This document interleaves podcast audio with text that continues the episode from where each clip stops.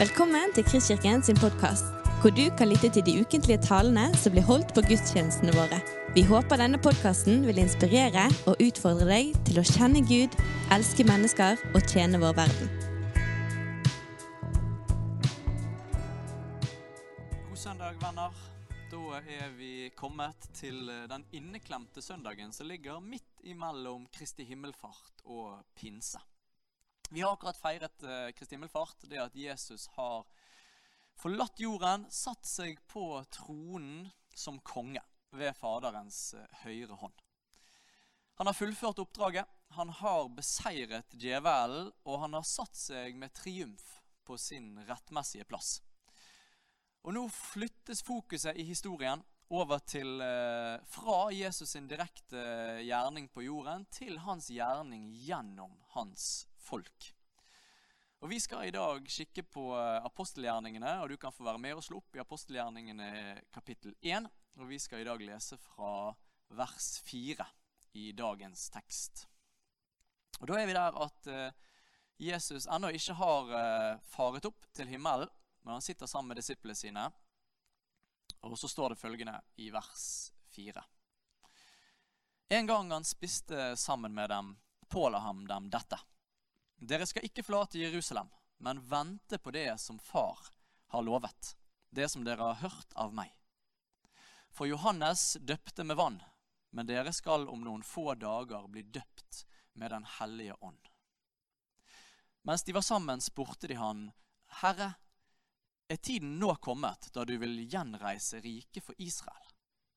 Han svarte, Det er ikke dere gitt å kjenne tider og stunder som far har fastsatt av sin egen makt. Men dere skal få kraft når Den hellige ånd kommer over dere. Og dere skal være mine vitner i Jerusalem og hele Judea, i Samaria og helt til jordens ende. Da han hadde sagt dette, ble han løftet opp mens de så på, og en sky tok han bort for øynene deres. Som de nå stirret mot himmelen mens han dro bort, sto med ett to menn i hvite klær foran dem og sa, Galileere, hvorfor står dere og ser mot himmelen? Denne Jesus som ble tatt bort fra dere opp til himmelen, han skal komme igjen på samme måte som dere har sett ham fare opp til himmelen. Da vendte de tilbake til Jerusalem fra den høyden som heter Oljeberget, og ligger nær Jerusalem, bare en sabbatsreise unna. Inne i byen gikk de opp på den salen hvor de pleide å holde til. Det var Peter og Johannes, Jakob og Andreas, Philip og Thomas, Bartolomeus og Matteus, Jakob, sønn av Alfeus, Simon Seloten og Judas, sønn av Jakob. Alle disse holdt trofast sammen i bønn, sammen med noen kvinner og Maria, Jesu mor, og brødrene hans. Jeg vet ikke hvordan det er med deg, eh, om du er god på det å vente. Eh, har du noen gang ventet ordentlig på noe? Å vente på noe som du vet skal skje, det er kanskje ikke så utfordrende.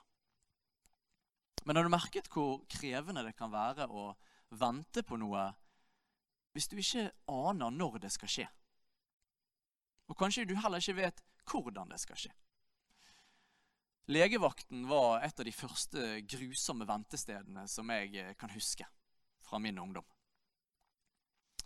Kanskje du husker eh, det gamle venterommet på eh, legevakten i Bergen sentrum, like ved gamle bystasjonen. Der satt jeg tolv år gammel etter jeg hadde opplevd min første alvorlige idrettsskade. Jeg hadde trakket over.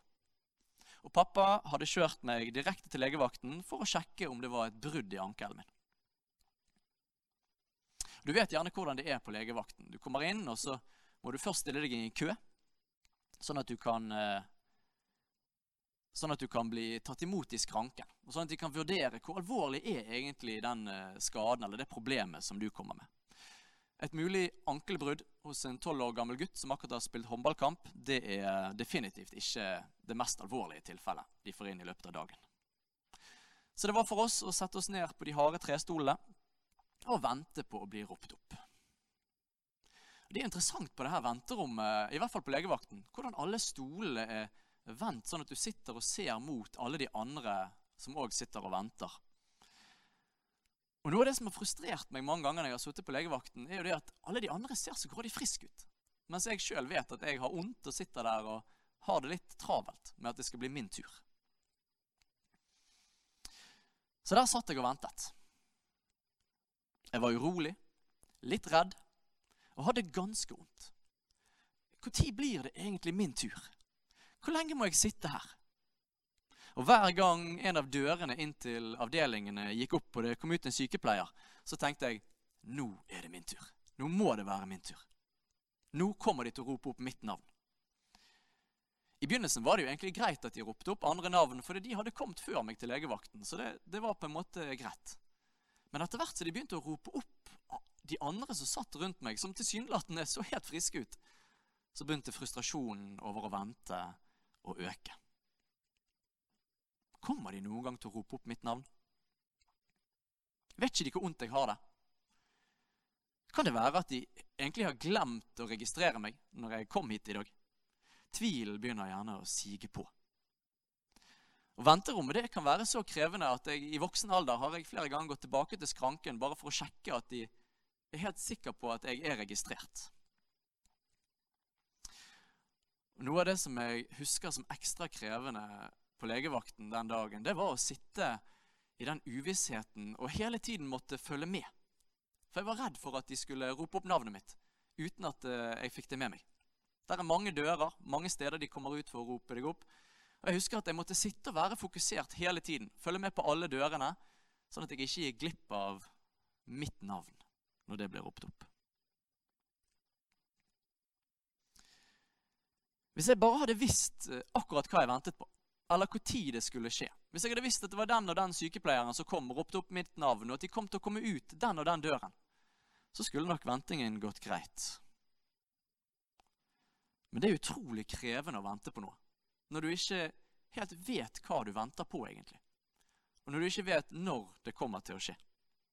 Tvilen setter inn. Du blir sliten av å holde fokuset, og Jeg husker at jeg flere ganger den ettermiddagen og kvelden hadde lyst til å droppe hele greien og bare dra hjem.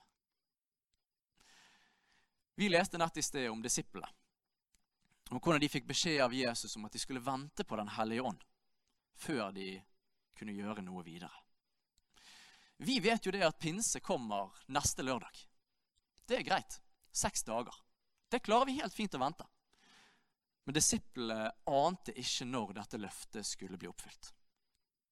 Ikke visste de hva de skulle se etter heller. Den hellige ånd skal komme. De ante ikke hva de ventet på.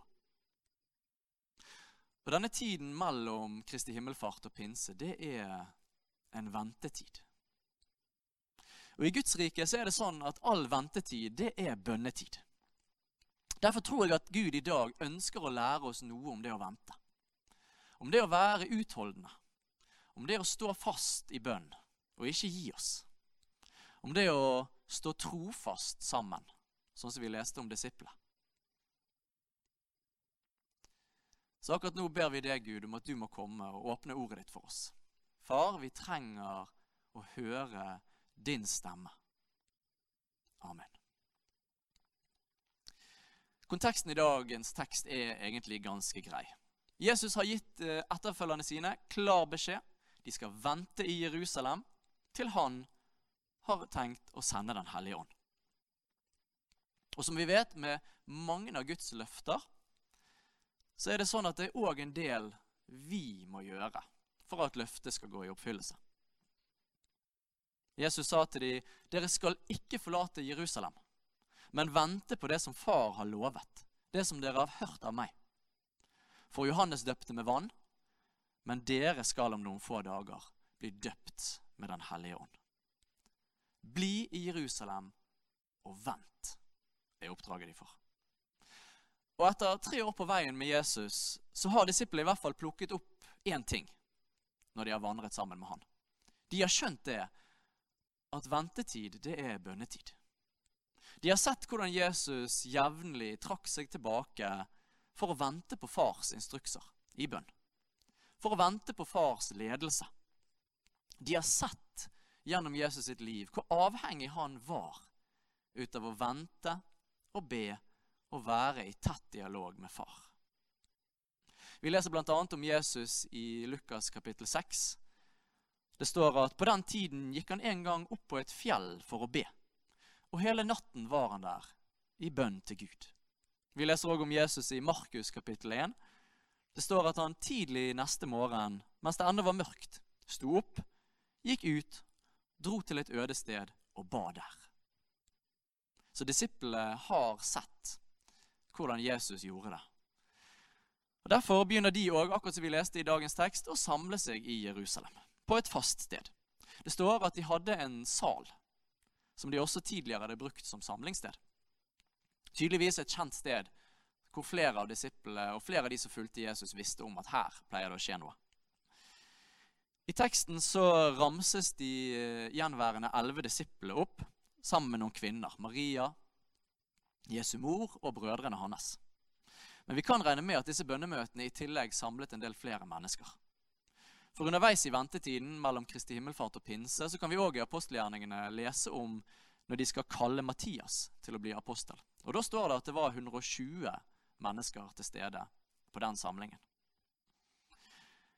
Og Jesus hadde vært helt spesifikk i sin befaling. Disiplene fikk beskjed om å vente i Jerusalem. De skulle ikke dra noen andre steder og vente.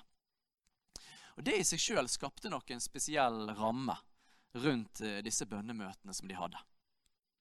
På en stor sal midt i den samme byen, hvor folkemengden bare noen uker tidligere rasende hadde krevd at mesteren deres skulle korsfestes. Der hadde de sine daglige bønnestunder.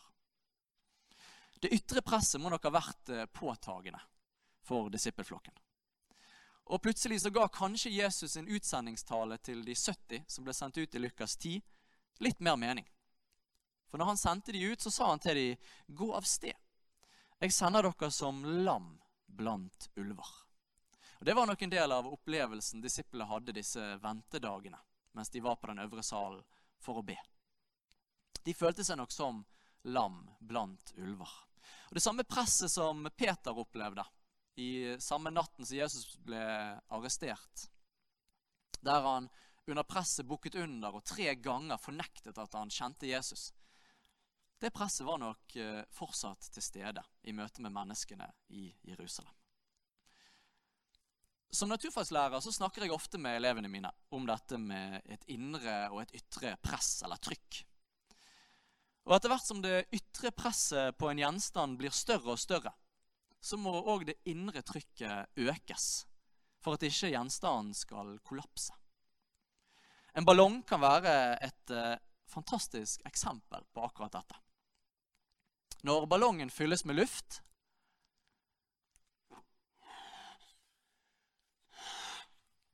så ser vi at det indre trykket øker. Og når det indre trykket øker, så vokser ballongen.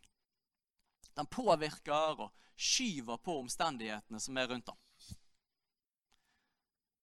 Men når luften eh, går ut, så vil trykket minke. Og omstendighetene inntar det området som ballongen egentlig skulle ha.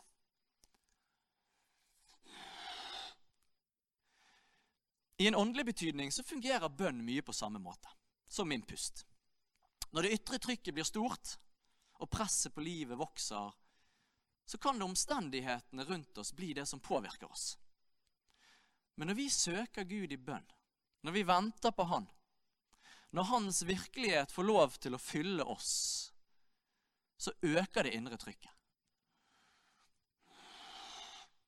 Vi ber, og så ber vi litt til. Og så søker vi Han, og så venter vi på Han. Det samme gjelder når vi kommer sammen som menighet, og når vi ber sammen. Et bedende fellesskap, akkurat sånn som det vi leste om i apostelgjerningene 1. Det står i det siste verset vi leste, at disse disiplene holdt trofast sammen i bønn. Og når de gjorde det, når de kom sammen for å be, så øker det indre trykket. Hjertet utvides. Kjærligheten vokser. Kraften blir påtagelig, og byen merker at her skjer det en påvirkning. Trykket i ballongen eller det åndelige trykket, øker etter hvert som vi ber. Noen ganger kan trykket bare vokse og vokse. Og det kan bli så stort at det til slutt kan føre til en eksplosjon.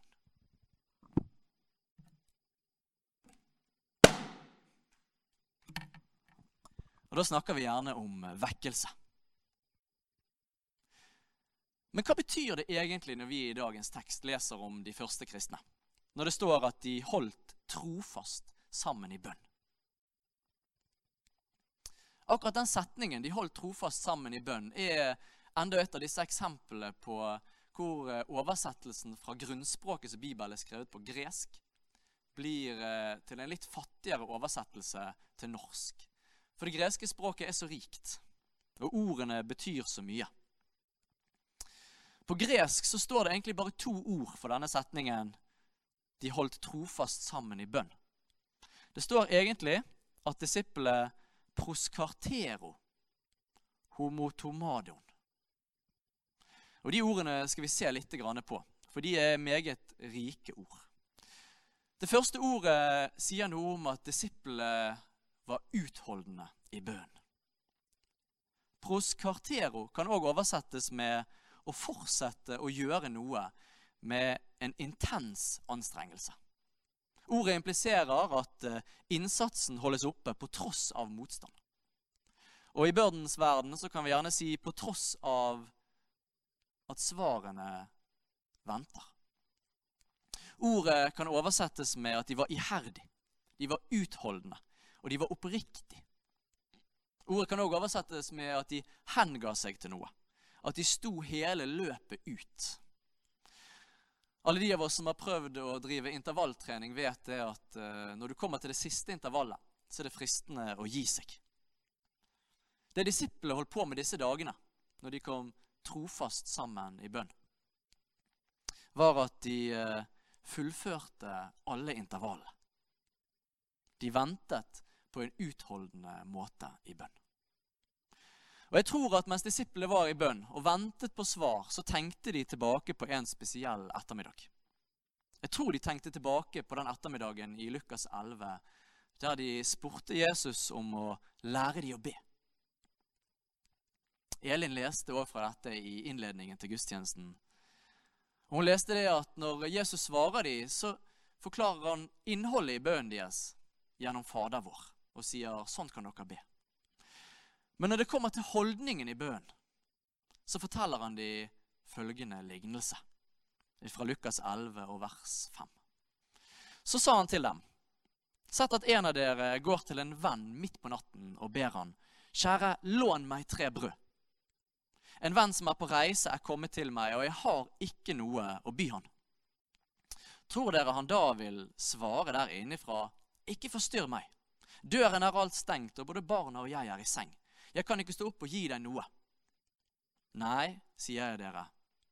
Om han ikke står opp og gir han det for vennskapets skyld, vil han i alle fall gjøre det fordi han er så pågående, og gi ham alt han trenger. Jeg sier dere, be, så skal dere få. Og når Jesus sier be, så ligger det i grunnteksten en forståelse av at vi skal be og fortsette å be og fortsette å be og fortsette å be så skal dere få. Let og fortsett å lete, og fortsett å lete, så skal dere finne. Bank på og fortsett å banke på, og fortsett å banke på, så skal det lukkes opp for dere. For den som ber, han får. Den som leter, han finner. Og den som banker på, skal det lukkes opp for. Du vet at det å vente på Gud er ikke akkurat den samme ventingen som jeg og deg gjør når vi f.eks. venter på bussen. Å vente på Gud er mer den type venting som skjer når eh, du er på jakt, og du sitter på post, og du venter der på at det skal komme et bytte. Du er klar, du er frempå.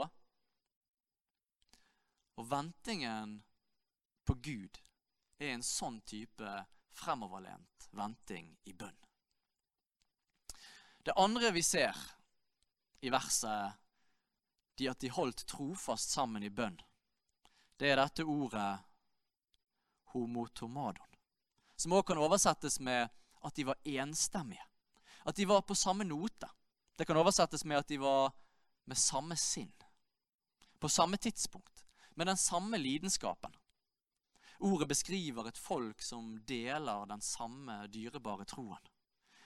Og som igjen, pga. den samme troen de hadde, resulterer i en gudskapt enhet mellom dem. Ordet beskriver en gruppe som fremstår som ett. Og Vi ser det når Peter og Johannes i apostelgjerningene 4 blir løslatt og kommer sammen tilbake igjen til disippelflokken og begynner å fortelle om det de har opplevd. Så leser vi i apostelgjerningene 4, 24 at da de andre hørte det, ba de til Gud med ett sinn og med én stemme. Det er sammen i bønn. Det er et uttrykk for enhet som bare finnes når vi samles rundt Gud og hans misjon og hans kall og hans vilje. Når vi legger bort alle våre egne ambisjoner, og når vi sammen ser i den retningen som han peker ut. Det er en type bønn som når et uh, symfoniorkester kommer sammen. Og alle kommer med hver sine instrumenter, som de gjerne har øvd på hver for seg. Og dirigenten reiser seg og slår kammertonen. Den tonen som alle sammen som er kommet sammen, må stille inn sine instrumenter etter. Og først når de finner den samme tonen, blir det symfonien den enheten som det var tenkt at det skulle være. Og Så leser vi videre i apostelgjerningene 4 om hva som skjedde når disiplene kom sammen og ba på denne måten. Når de ba med ett sinn og med én stemme. For da står det videre i vers 31 at da de hadde bedt, skalv stedet der de var samlet. De ble alle fylt av Den hellige ånd. Og de talte Guds ord med frimodighet. Alle de troende var da ett i hjerte og i sinn. Og ingen regnet det de eide, som sitt eget men de hadde alt felles. Og med stor kraft bar apostlene fram vitnesbyrdet om at Herren Jesus hadde stått opp. For en konsekvens av det å stå sammen i enhetlig bønn. Og Det handler det om når vi leser at de første kristne holdt trofast sammen i bønn. Paulus har det samme i tankene i Efeserbrevet 4 når han formaner de som leser brevet i Efesus. For da sier han, Efeserbrevet 4, vers 1, så formaner jeg dere, jeg som er fange for Herrens skyld, at dere lever et liv som er verdig til det kallet dere har fått, i mildhet, ydmykhet og storsinn, så dere bærer over med hverandre i kjærlighet. Og sett alt inn på å bevare Åndens enhet i den fred som binder sammen. Du vet, hvordan vi forholder oss til hverandre i det kristne fellesskapet, har en betydning når vi kommer sammen for å be. Men hva er så bakgrunnen for denne utholdenheten som vi ser hos disiplene? Denne iveren i bønnen? Hva var det som gjorde at disiplene holdt det gående på tross av ytre press og tilsynelatende manglende svar? Hvorfor stoppet de ikke? Hva som gjorde at de fortsatte å be på dag to og dag tre og dag fire og dag fem? Hvorfor ga de ikke opp? Far, svaret finner vi videre i Lukas 11, samme teksten som Elin leste i innledningen. For videre etter at Jesus hadde fortalt dem at de skulle be og fortsette å be, at de skulle leite og fortsette å leite, at de skulle banke på og fortsette, så begrunner han hvorfor de skal gjøre det i vers 11, så sier han, finnes det vel en far iblant dere som vil gi sønnen sin en orm når han ber om en fisk? Eller gi han en skorpion når han ber om et egg? Nei, selv når selv dere som er onde, vet å gi barna deres gode gaver, hvor mye mer skal ikke da Far i himmelen gi Den hellige ånd til de som ber han? Dette hadde disiplene garantert i tankene disse dagene på den øvre salen mens de ventet på Gud. Ventet på løftet om Den hellige ånd i utholdenhet. For disiplene hadde nemlig sett det, at Gud var trofast. De visste at Gud holder de løftene han har gitt. De hadde fulgt Jesus i tre år, og de hadde sett Guds trofasthet manifestert gang på gang på gang. Brødunderet som mettet 5000. Stormen som ble stilnet. Lasarus som ble vekket opp. Blinde som fikk synet. Lamme som begynte å gå igjen. Utstøtte som ble akseptert. Nedslåtte som ble oppreist.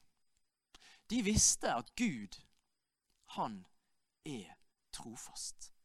Han er vår far, og han er trofast på alle sine løfter. Jeg vet sjøl hvordan det er når mine egne barn, Lea, Nathanael og Lydia, spør meg om noe. Hvis jeg har lovet dem noe, så setter jeg inn alt jeg kan på å være trofast og vise dem et eksempel gjennom mitt liv på hvordan Gud egentlig er. Jeg setter inn alt jeg kan i min kjærlighet til dem for å holde de løftene som jeg har gitt til dem. Og Gud er sånn. Bare hør hva Paulus skriver i 2. Korinterbrev, i kapittel 1, fra vers 18. Så sier han Så sant Gud er trofast.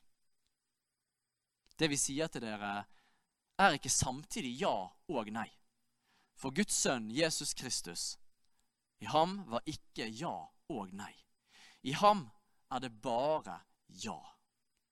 For i ham har alle Guds løfter fått sitt ja. Derfor sier vi også ved ham vårt amen, til Guds ære. Så De første disiplene holdt trofast sammen i bønn fordi at Gud er trofast. Og vi vil aldri klare som fellesskap å stå sammen i bønn og vente på Han og være utholdende, ivrige og ikke gi oss. Vi vil aldri klare det fordi at vi er dyktige. Men vi kan klare det fordi at han er trofast.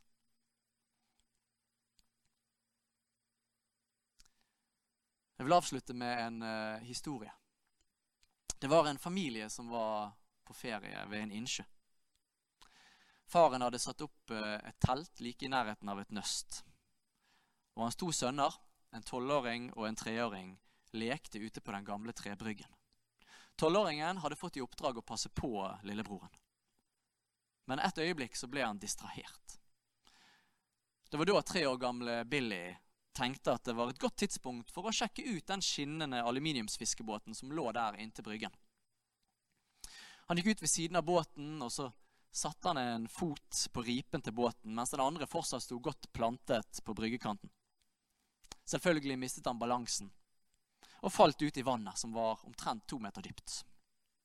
Plasket fanget oppmerksomheten til tolvåringen, som satte i et skrik. Faren deres kom stormende ut av teltet, hoppet ut i vannet og dukket ned, men klarte ikke å se noe i det uklare vannet. Han måtte opp etter luft og gikk rett ned igjen under bryggen og begynte å leite seg fram langs bunnen. Han fant ingenting. Endelig, på vei opp igjen, kjente han lille Billys arm, som i et dødsgrep hadde klamret seg rundt den ene bryggestolpen, omtrent én meter under vannoverflaten. Han fikk tvunget løs eh, guttens fingre, og sammen så brøt de vannoverflaten og fikk fylt lungene sine med frisk, livgivende oksygen. Når endelig adrenalinet hadde stoppet å pumpe og nervene hadde roet seg litt, så spurte faren sønnen hva i all verden gjorde du der nede, hengende fast rundt den stolpen, så langt under vann? Lille Billys eh, svar avslører den herlige, barnlige tilliten som vi kan ha til Guds trofasthet. Jeg bare ventet på deg, pappa. Jeg bare ventet. Og Billy visste at faren var trofast. Han ville komme. Helt avslutningsvis så har jeg i forberedelsene til dagens tale opplevd at eh, Gud har gitt meg et ord som jeg tror er til oss som fellesskap. Og Det passer akkurat inn i denne ventetiden som vi står i nå, frem mot pinse. Og Det er fra Haggai kapittel 2. I vers 3 så skal vi lese sammen det som står der. Er det noen blant dere som har sett hvor herlig dette huset var før? Og hva ser dere nå? Ser det ikke ut som ingenting? Men nå, ser Serubabel, vær sterk, sier Herren. Josva, Jehosadaks sønn, du øverste prest, vær sterk. Og hele folket i landet, vær sterke, sier Herren. Gå i gang med arbeidet. For jeg er med dere, sier Herren over herskarene. Dette løftet ga jeg dere da dere dro ut av Egypt. Min ånd er iblant dere. Vær ikke redde. For så sier Herren over herskarene, enda en gang, om en kort tid Og vi leste tidligere i dag om at det skulle bare gå en kort tid på disiplenes venting.